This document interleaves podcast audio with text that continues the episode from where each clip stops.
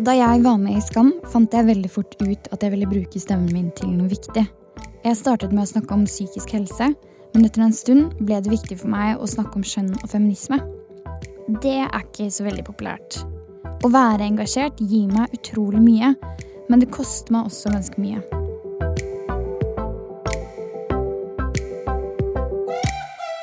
Hei, jeg heter Ulrikke Falk. I denne episoden snakker vi om engasjement og hvordan man orker å stå i det.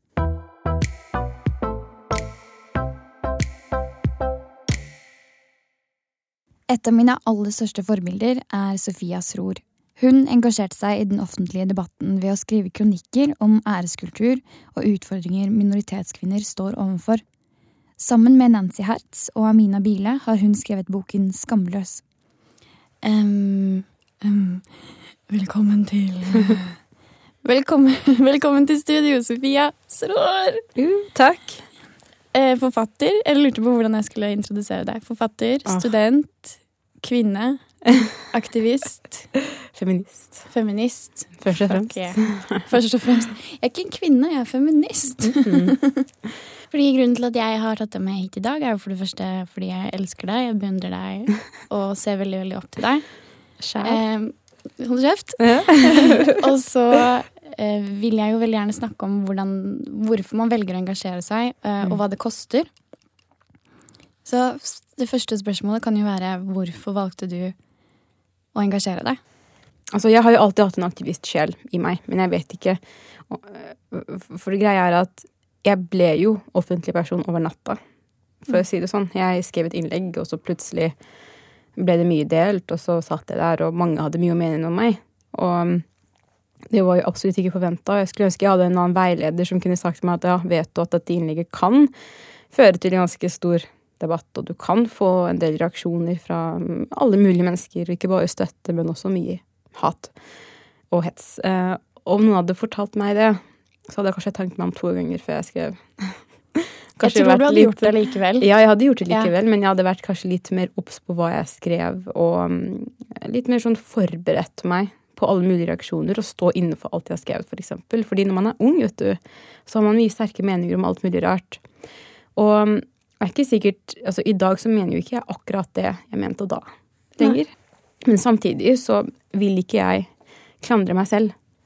Ikke sant? Fordi Man kan absolutt ikke klandre seg selv, fordi sånn uansett hvor mye du skriver om en setning, eller hvor mye du omformulerer deg eller spissformulerer deg, så vil det alltid være noen som reagerer. Og, det handler jo ikke om det du skriver eller sier, men det handler om deg som person. For jeg merket det med en gang. Jeg merket at mange reaksjoner Altså mange av disse menneskene, de var sint fordi jeg var en muslimsk kvinne i hijab som snakket om frihet. Mm. Plutselig så er det så mange som skal mene så mye om deg og din frihet og forklare dine valg for deg. Og det, Mm. Mansplainere og hobbyfeminister. Mm. De er engasjert når det gjelder minoritetskvinner. Samtidig som de sprer mye spydighet og hat og rasisme. Og det der. Eh, og det er liksom solidaritet. Jeg har møtt mange av de. Mm. har jeg. Så når jeg tok av meg hijaben, så syns jeg det var veldig interessant hvor mange som plutselig Altså mange av de samme som var veldig spydige mot meg i kommentarfelt eller i innboksen, plutselig sendte meg respekt, hjerte i innboksen. Mm. Det Uh, ja, så da Jeg blokka en del folk, ja. for å si det sånn. Det er alltid en, eh, en, god, en god, ting å gjøre. Um, jeg tenkte bare å, å um, legge til at debattmiljøet mm. ofte har veldig lite rom for at man utvikler seg. Oh, ja. Uh, det, så, jeg, så, jeg, skjønner veldig godt hva du sier. Og så, og så, hører jeg også at det er ikke noe anger, det er bare et retrospektiv. Er det riktig å si? Retrospektiv? Ja, nå brukte jeg kult ord. Um, um, men det er en del av den fine reisen. Ikke sant? Uh, og det er, kan man være så uendelig takknemlig for at man ikke formulerte seg uh, på den korrekte måten. Fordi du skapte debatt, og kanskje det ikke ville skjedd ja. hvis du visste at du mm. kom til å få hat. Det er jeg veldig enig i. Og altså Det er hardt, det må man innrømme det vil alltid være enkelte mennesker som vil reagere uansett. ikke sant? Og du må bare heve deg over det. Mm. Men um... Debattklimaet er jo veldig giftig. Mm. Det er jo Jeg tror det var um... Har du forresten møtt Gro Harlem Brundtland? Nei. Jeg elsker henne. Jeg skal ja. henge opp et bilde av henne på soverommet. Men eh, hun har sagt noe som jeg syns er så utrolig godt sagt, og det er jo at man velger ikke å bli statsminister fordi det er gøy. Eh, og sånn tror jeg det handler om når du er aktivist også, uansett om du velger det eller er det, eller har blitt det, eller noen har pålagt deg den rollen. Ja. Så står du ikke i det fordi det er så jævlig gøy. Nei. Også for de som lytter, da, og som ikke har Ikke kan relatere til dette, da, så kanskje ikke helt forstår hva er greia med å være debattant, og hva er, liksom, hva er samfunnsdebatten, og hvem er det som hater det. Um, altså, alle kan jo oppleve å få kvalme i innboksen. Hets og alt det der, også menn. Men kvinner er spesielt utsatt. Fordi det har Altså, den sexismen um, Den lever i beste velgående, altså. Mm. Uh, og det, det, tror jeg mange kvinner kjenner seg igjen i. Det, um, men, men, i tillegg, da, hvis man har en annen bakgrunn, eksempel, hvis man har en annen hudfarge, hvis man har en annen tro, hvis man uh, har en annen seksuell legning, eller ikke sant uh, Og alt det som kan spille inn i hvordan hetsen plutselig blir uh, mye mer omfattende, kan man si, eller sammensatt diskriminering, da, som går på flere av disse identitetene. Eh, at f.eks. en som meg kan oppleve rasisme og sexisme, og i tillegg eh, islamofobi, kanskje. Eh, fordi jeg er muslim, fordi jeg er brunere i huden. Eller jeg er jo ikke så brun, men, men jeg er eh, ikke sant? Og, eller brukte hijab tidligere, og da var det Ja. Så det Det er forskjeller ved deg som folk kan spille på for å skape ja. Fremmedfrykt. Ja, og, hvis, og det gjelder også hvite kvinner som kanskje har en annen seksuell legning, som kan oppleve sant, transfobi, eller som kan oppleve homofobi, eller uh, Ja. ja. Um, jeg har et, eh, en, et, drømmespørsmål til deg, fordi nå har du en plattform um, som jeg syns du bruker utrolig godt. Men hvis du kan um, bare fantasere eller drømme eller bare ønske deg, hva, hva vil du bruke den stemmen til? Ja, Det er så vanskelig å svare på, egentlig, fordi det har vært tider hvor jeg har tenkt at herregud, jeg orker ikke mer. Mm. Uh, og det har vært mange grunner til det. Men så tenker jeg også på at OK, min Altså, jeg har en ganske personlig drivkraft bak det hele. Men samtidig så vil jeg ikke si at jeg er engasjert fordi det er personlig. Jeg vil si at jeg er engasjert fordi jeg oppriktig bry meg om hvordan andre har det, og kan relatere til noen, men jeg vil også fremheve historiene til de jeg ikke relaterer til også. Ikke sant? For det handler jo ikke bare om meg, eller fordi jeg kjenner meg igjen i det, men jeg er engasjert fordi jeg um, Fordi jeg anerkjenner andres virkeligheter mm. også. Jeg bryr meg om psykisk helse. Jeg bryr meg om dyrs rettigheter. Jeg bryr meg om miljø. Og, og bare det å få lov til å um, Få lov til å ta til orde og få den plassen som man fortjener. Eller altså Vi har jo jobbet for å ta plass. Og, og da syns jeg OK, beklager, nå ble det litt sånn Nei, nei du trenger ikke å være flink her, altså. Nei, men, men jeg syns også fordi du, du, tar deg selv litt i å si fortjene. Ja, men Kan man ikke bare si det? Fy faen, jo. jeg er en helt fantastisk person, og den plassen jeg har, fortjener jeg. Ja, men det er klart, vår, den bakgrunnen vi har, sant, og kommer tilbake til den personlige drivkraften, at det tar jo mye plass i våre liv. Fordi det er jo menneskelig å ta utgangspunkt i egne erfaringer. Det er menneskelig å ta utgangspunkt i egen bakgrunn når man ytrer seg. Eh, og samtidig eh, gjøre plass til andre. Så, så det er noe av det viktigste jeg føler jeg kan gjøre. Det er at nå som jeg har den plattformen, så har jeg et ansvar. Jeg har et ansvar når det kommer til å inkludere flere. Når jeg på en måte i måten jeg skriver på, og, men også når det kommer til hvordan jeg jobber aktivt, f.eks. når jeg er på skoler, så understreker jeg alltid at ja, den boka vi har skrevet, den er det mange som ser ut som meg, som vil kjenne seg igjen i. Men det er også mange som ikke ser ut som meg, som vil kjenne seg igjen i den. Mm. Og det har jeg ofte rett i, for da kommer det opp jenter som sier at ja, jeg har lest den boka, uh, og jeg kjenner meg igjen, og jeg er ikke muslim, og jeg, er ikke, jeg har ikke minoritetsbakgrunn. Jeg er helnorsk, um, men jeg kjenner meg igjen i den skammen. Så det det betyr veldig mye for meg, da. Og, og føle at jeg faktisk Eller ikke bare jeg, det er, ikke, er ikke bare jeg som har skrevet denne boka, men at vi som har startet denne debatten, vi faktisk, faktisk klarer å nå disse ungdommene. Mm. Og um, bidra til at de kan ta til orde i sine egne liv. For um, det, disse nyansene, ikke sant, det er jo det som er um, målet med den debatten vi tar, er å få frem alle disse ulike erfaringene. Mm. Og ikke det at alle skal ta til orde i offentlig debatt, det er ikke det det handler om. Sier jo Helst det på litt skoler. færre, egentlig. Jeg sier jo det på skoler sånn at nei, nå sier jeg ikke at alle her som alle her må sette seg ned og skrive en kronikk for å, være, for å vise at jeg er engasjert. Nei, det du kan være det, Bare det at du bryr deg om den som sitter ved siden av deg, det er å være engasjert. Mm. Og um, ta opp temaer på skolen som opptar dere, det, det er å være engasjert. Og ja, så klart, du, du, skal jobbe for menneskerettigheter, og du vil bidra til at flere har det bedre. Men husk også deg sjæl. Husk at du også skal ha det bra. Og, Klarer du det? Det har vært litt blanda. det er ikke så lenge siden jeg skrev en spalte faktisk om dette med psykisk helse. Om at det er mange modige stemmer her ute, men det er også mange stemmer som forsvinner. Og det er fordi den, det presset det blir for stort eh, å stå i hetsen, men også rent psykisk og emosjonelt så er det jo veldig krevende å holde seg i debatten, fordi det er så um, Altså, man føler man må Man skal være så oppdatert på alt hele tiden. Man skal mene ting om alt hele tiden, og man skal på en måte være litt forsiktig med å ikke gjøre noen sint, og man skal være Um, men samtidig si det man mener. Og så er det så mange sånne regler man setter for seg selv. Spilleregler for hvordan man skal være ekte debattant. Uh, og, og altfor mange bruker tid i kommentarfelt, som uh, er egentlig det, verste man kan gjøre. ja. For i kommentarfeltene det, Jeg personlig mener at det er ikke der man tar kampen.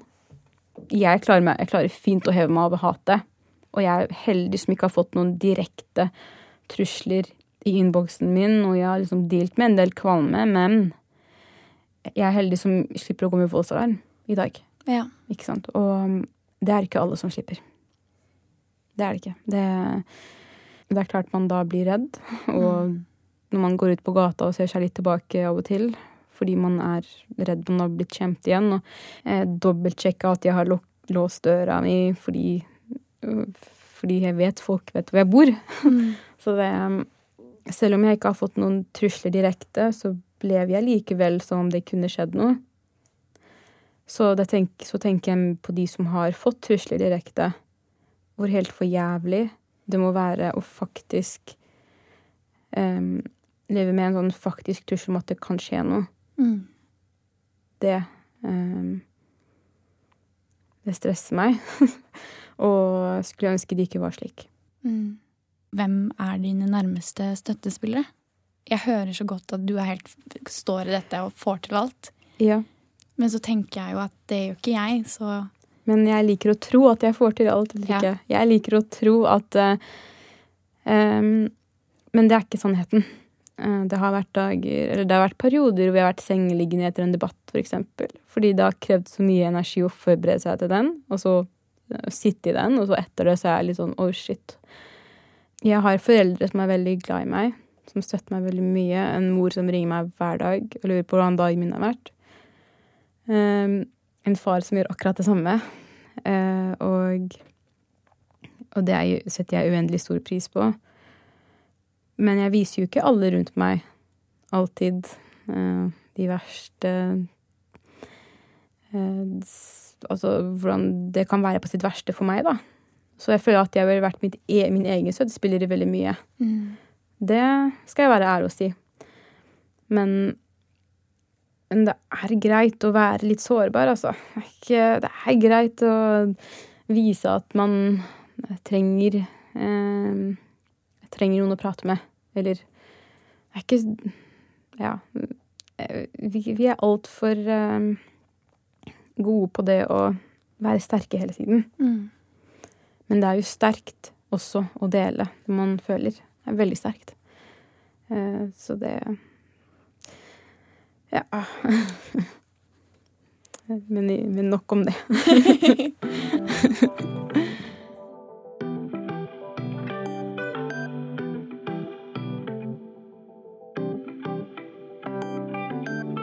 syns eh, jeg, jeg, tenker også at det er veldig modig, og så hører jeg Eller um, Det betyr veldig mye for meg å høre deg snakke om det. Mm. Sikkert fordi jeg også ser at du er så jævlig sterk. Eh, og så er det noe sårbart der også som, mm. som ikke så mange får se. Um, og som det er viktig også, tenker jeg, i en debatt at ikke alle får se. For det hadde, eh, som du sier, det er et karakterdrap der. Og det hadde plutselig også gitt folk ammunisjon om du sier 'jeg ble mobbet'. Og hvem som mobbet, og hvordan de mobbet. Eh, så jeg respekterer veldig måten du velger å snakke om det på. Og så hører jeg også at det er en forskjell mellom halve podkasten, hvor du snakker som en aktivist, og siste halvdel hvor du snakker som en person. Ja. Um, og jeg vet at det koster mye, og jeg er veldig takknemlig for at du ville dele det med meg. Du trenger ikke å si noe, altså. Men, ja. men uh, Ulrikke Nei, ikke gjør sånn, da. Uh, men hør, da.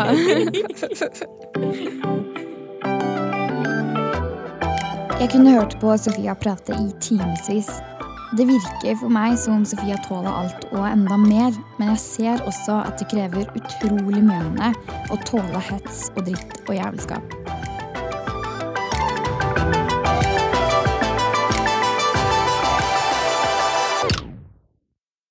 Jeg møtte Alice for et par år siden da jeg holdt et foredrag. Alice het egentlig Johansen til etternavn, men da hun fant ut at hun var same, byttet hun etternavn til Jektevik for å hedre bestefaren og sin samiske bakgrunn. Vi kan jo bare eh, starte rett på når fikk du vite at du var same? Ja, jeg husker Jeg tror ikke jeg husker liksom akkurat datoen, men jeg husker, liksom, jeg husker den dagen det gikk opp for meg at vi ordentlig var egentlig var samer. For jeg var på besøk hos tante som eh, bor på Rygge utenfor Moss. Eh, og så snakka vi en del om bunader og litt sånne ting. Og så begynte vi å snakke om, om samiske kofter. Og så sier hun tante nei, herregud, kofte, det har jeg ikke hatt på meg siden jeg var ei lita jente. Og så var jeg litt sånn Men hvorfor, hvorfor det? Eh, og så begynte jeg å grave liksom mer og mer i familiehistorien vår. Og jeg har jo ei bestemor som kom fra sjøsamisk område i Nord-Norge. Men hun var alkoholiker, så jeg har egentlig ikke hatt kontakt med henne noensinne. Og det har beklageligvis eh, Det har bare ikke vært så sterke bånd der. Så jeg snakka en del med han bestefar, som jeg har et veldig tett forhold til, om det. Og liksom etter hvert, litt sånn sikkert over en periode på flere år, så begynte jeg å skjønne at han bestefar også var vokst opp med liksom veldig sterke samiske kulturelementer i sin barndom. Og liksom, jeg gikk veldig forsiktig fram. Men, men jo, lengre, jo mer vi snakka, så begynte han å innrømme da, at, at sånn, jo, vi, vi, var sjøsamisk slekt. Han vil ikke si at han er same sjøl, men han godtar at jeg syns at han er det. Um, og på en måte kom mer av historien hans fram. Og da har jeg jo skjønt at han har vært på, altså, han har gått på sånn internatskole da, da han var ung. Han er jo blitt mobba. Han ble jo kalt en jævla lapp. Eh, det var veldig mye Jeg tror han har hatt det ganske tungt i barndommen med, med å skulle være fra en sjøsamisk plass og fra en sjøsamisk familie. Eh, og vi er jo fra Jektevika, da. Jeg kan utrolig lite om samer, og det tror jeg gjelder de aller fleste av oss. Da jeg gikk på skole, så lærte vi mye mer om urbefolkninga i Australia enn vi lærte om vår egen urbefolkning. Ja, Men hvorfor er det sånn? Jeg vet ikke. Jeg, jeg, tror det er en sånn evig kamp, eller hver gang noen spør meg sånn hva, hva vil jeg endre, så vil jeg endre lærebøkene i Norge. For det, altså sånn, det norske stat er grunnlagt på området til to folk, nordmenn og samer. Eh, så jeg skjønner ikke helt hvorfor det er så lite informasjon. Og når det er informasjon, så er det ofte veldig sånn tradisjonell informasjon. At samer bor på eh, et lite område i Finnmark, og de har rein. Og det stemmer jo ikke i forhold til dagens bilde. Nei. Nei. Ja. Nei, det er jo helt um, Ja, jeg er helt enig i at det, det, er jo ikke noe grunn til å ikke ha det med i skolebøkene. Og at det er altfor lite informasjon. Det, jeg, jeg, vet hvordan en same ser ut, men jeg vet ingenting om samisk historie. Eller eh, konflikten mellom samer og nordmenn som bor i ett og samme land. Men ja. Nei, det, det er helt, uh, helt rett. Og jeg tror det folk veldig ofte gjør, uh, spesielt hvis man har på seg kofte, det, og det er litt sent på kvelden, så opplever du f.eks. ofte å bli joika, eller sånn tullejoika, etter. Og det er jo ikke noe stas. Men, men, det skjer ganske ofte, og det er ikke så gøy. Og med en gang du på en måte har på deg kofte, så blir du sånn automatisk en representant for den samiske befolkninga. Eh, så folk eh, spør jo mye, noe som er kjempefint, men av og til så vil man kanskje ikke være en representant. Du vil kanskje bare gå i fred og komme deg fra A til Å, eller Det burde ikke være så spesielt å se i kofte i Norge. Nei. Men du har jo valgt selv om man er et menneske og av og til har lyst til å trekke seg tilbake, så har jo du faktisk valgt å være en representant i mye større grad fordi du er en aktiv deltaker, og også fordi du engasjerer deg i det du gjør. Men hvor kommer det engasjementet fra? En eller annen plass ganske dypt i magen, tror jeg.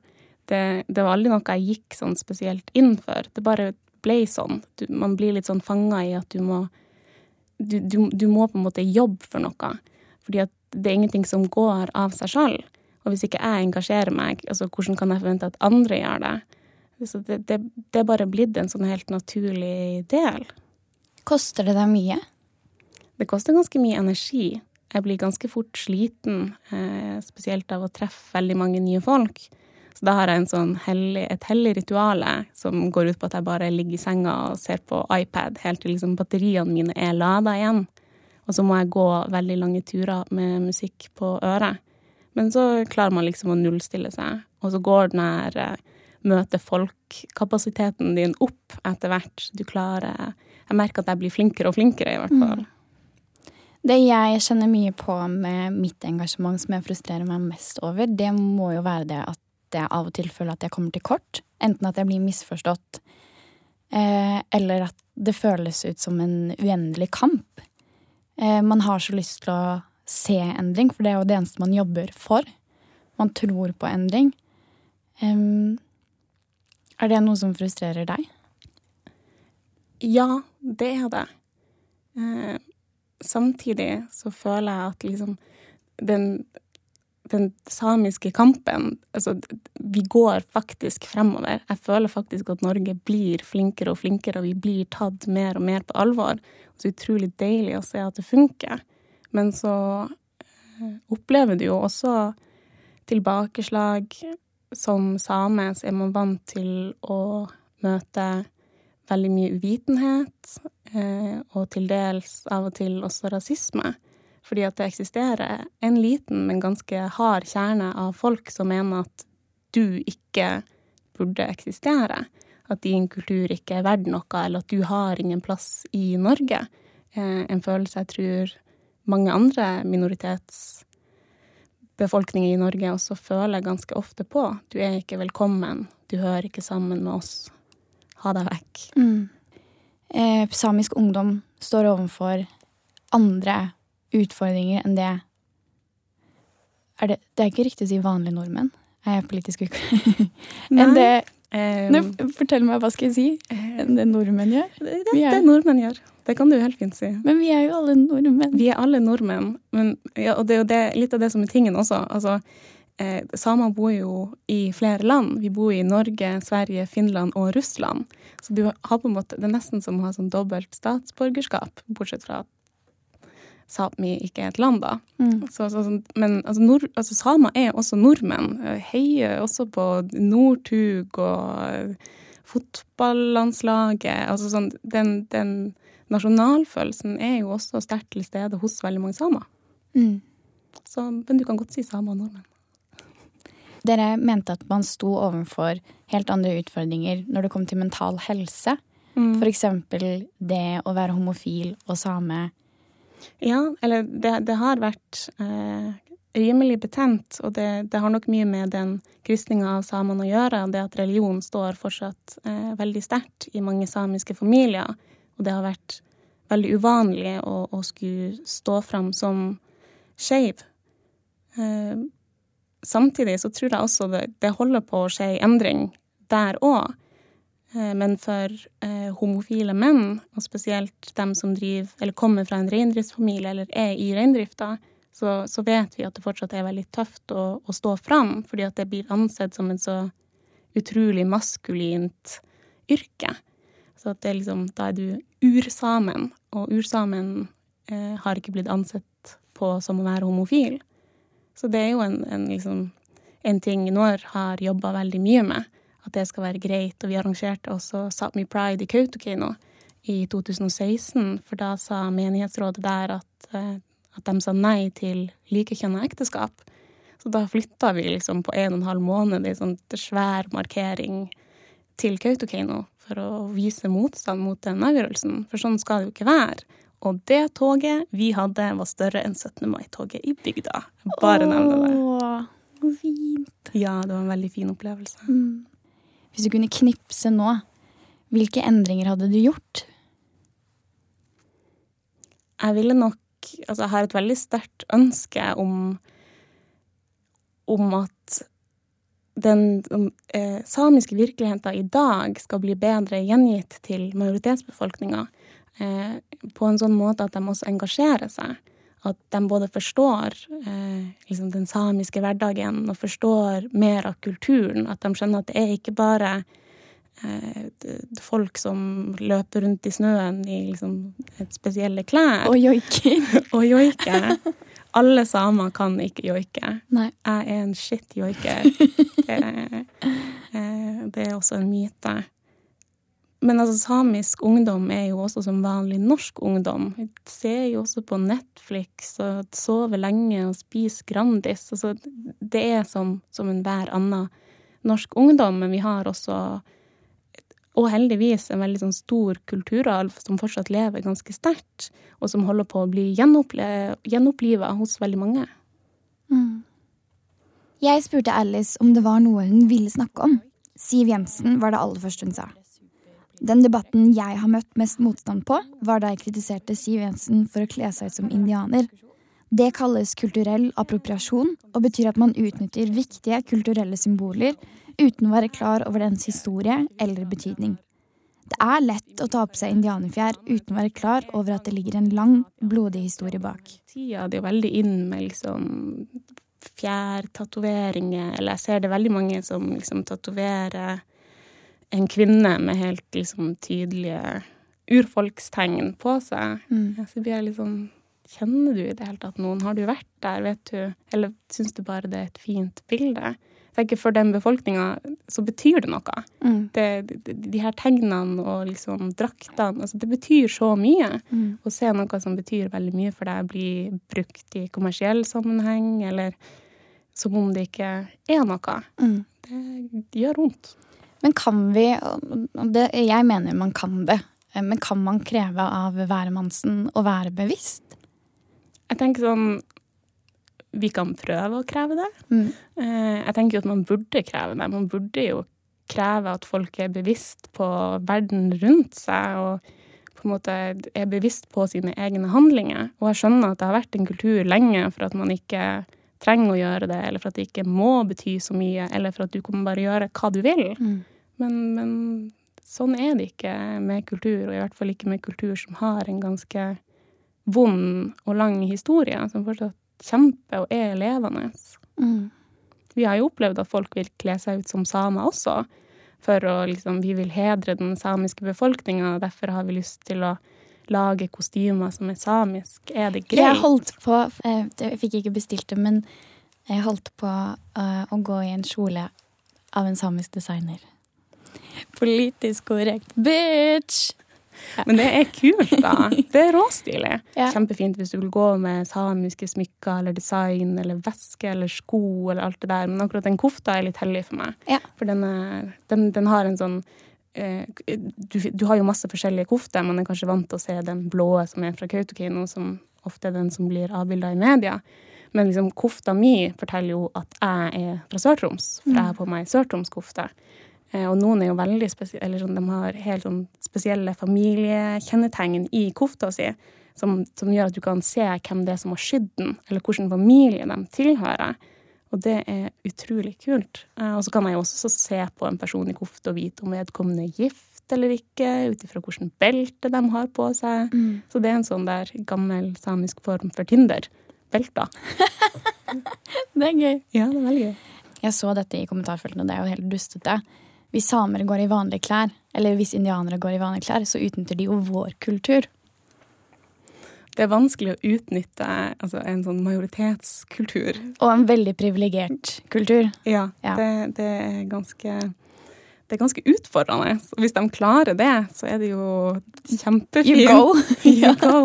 Men nei, jeg har vanskelig å, å se for meg hvordan man skulle ha utnyttet Altså, samer og urbefolkning andre plass er jo blitt blitt pressa på de her klærne. Du blitt pressa på det her levesettet. Du skal slutte å være deg sjøl. Nå skal du være som oss, for det er mer behagelig for oss. Eller da blir vi ikke redd for deg, eller det er billigere, for da trenger vi ikke å gi deg undervisning på morsmålet ditt.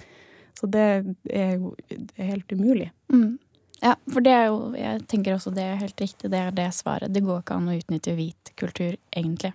Men samer blir veldig ofte eh, beskyldt for å utnytte Norge, fordi at vi koster jo penger. Sånn som, og det er et veldig vanlig argument mot samer. Nå sitter de der oppe i Finnmark og krever penger og vil bygge, bygge, mur rundt Finnmark. La dem nå bare få det, så kan de ha sitt eget land der. Mm. Uh, og det er jo argumenter av og til er liksom vanskelig å møte. For ja, samer koster penger, det gjør nordmenn også. Eh, og i Tromsø for et par år siden så hadde vi en veldig sånn stor diskusjon for at eh, Tromsø skulle bli innlemma i sånn samisk språkforvaltningsområde. Og det betydde at da måtte det skiltes på samisk. Og det var eh, under grunnen Det var liksom det verst tenkelige for noen i hele verden at det skulle skiltes på samisk i tillegg til norsk. Fordi at det koster penger å lage skilt, og de vil ikke se samisk det er jo galskap. Ja. Men uh, kan du svare en gang for alle, utnytter du pengene mine? Hele tida. Faen at jeg visste det. er veldig, veldig gøy. Åh. Kunne faktisk trengt en hundrings nå. Ja, en vippser. Sier jeg samme. ja. Jeg må vel eh, hva heter det, betale noe sånn minoritetsavgift, eh, siden du sitter her og deltar. Yes. Jeg sender faktura.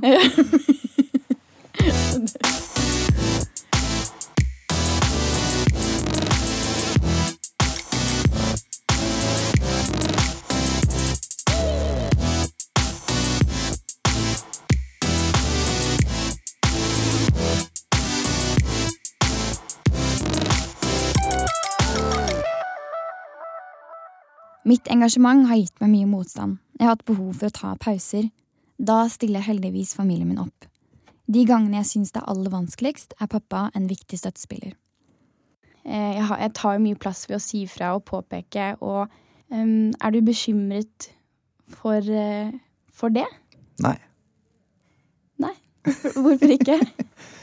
Men jeg har jo sett deg der ute, at du kan skrive og, og snakke og skriver og snakker godt. Vi har også hatt noen samtaler om det innimellom hvor du har følt dette sinnet og ønsket om å formidle et eller annet, og så har du kanskje etter en diskusjon blitt enig at ok, jeg venter med det, eller jeg holder igjen det. Så jeg, det handler jo om at nettopp fordi jeg ser at du går ikke bananas, da. Du, mm. du skriver ikke hytte og vær, du sier ikke masse dust. Ja. ja jeg tenker mer på hva, hva, tilbakemeldingen, hvordan tilbakemeldingen påvirker meg, for den kan du jo ikke beskytte meg mot. Det er jo den som er skumlest, fordi idet jeg eksponerer meg, så kan jeg være en skyteskive. Og folk kan peke og si Ulrikke Falk er en dritthore. Jeg mm. gidder ikke å onanere lenger til skam. Det er som for øvrig er en sann det, ja. Men det var en kommentar som faktisk ja. Eh, fantes. Veldig bra. Men eh, jeg er jo jeg, jeg, vet jo selv, hvis jeg går inn i en debatt og får mye dritt, så lukker jeg meg og har det vondt i noen dager. Mm. Men, eh, men, jeg vet jo på en måte at det smarteste er ofte å liksom legge det fra seg. Mm. Jeg har jo snakka litt om det også når det er ting som skjer, og det, det kommer mye brunt gørr rundt omkring, og mye, mye dritt, egentlig. Mm. At det er litt sånn lukke øynene litt for å ikke gå inn i de og lage det til et, en stor diskusjon, for det er ikke en arena hvor man egentlig kan diskutere. Så igjen, jeg, jeg, jeg ser jo at du gjør de tingene jeg syns er smart å gjøre, mm. og da tenker jeg at da er jeg ikke så bekymra. Vi har hatt flere ganger hvor jeg har hatt lyst til å skrive leserinnlegg, og så har du sagt kanskje ikke nå. Men det tror jeg er litt fordi du er bekymret for det brune gørret. Nei, egentlig ikke for det brune gørret. For det der kommentarfeltet sånn med skamonani og sånn, det tenker jeg det er jeg ikke bekymra for, på noe vis, for det klarer du liksom å heve deg over. Men um, det er jo noen saker Det har kanskje, kanskje vært en periode hvor du har vært mye ute og snakket om noe. Eller at det er en sak som jeg tenker kan virke utydelig for andre. Uh, som jeg har sagt hva om du venter med det, eller uh, er det en bla, bla. Lurt å, lurt å skrive om. Det, det, mm. Men det er mer sånn jeg, Sett utenfra så tenker jeg at kanskje akkurat nå var det nok mm. med det forrige, eller kanskje ikke saken er tydelig nok, eller et eller annet. Mm. Jeg tenker jo at det aldri er nok, så jeg kommer ikke til å høre på deg. Nei. Men eh, det er fint at du holder meg litt tilbake. Ja. Men som avslutning der, så må du få motstand for å gjøre en forskjell. Altså Det at du får motstand, er et tegn. En indikator på at du gjør en forskjell. Så sånn må jeg bare se på det.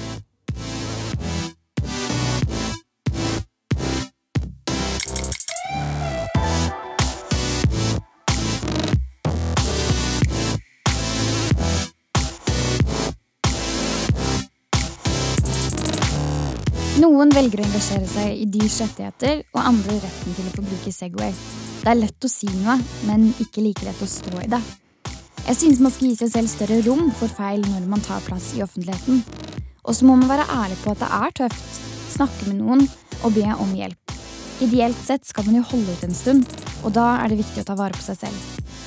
Og kanskje alle kritikerne heller burde bruke tid og engasjement på andre ting enn å ødelegge for oss som faktisk tør å heve stemmen. Om en uke skal vi snakke om brudd.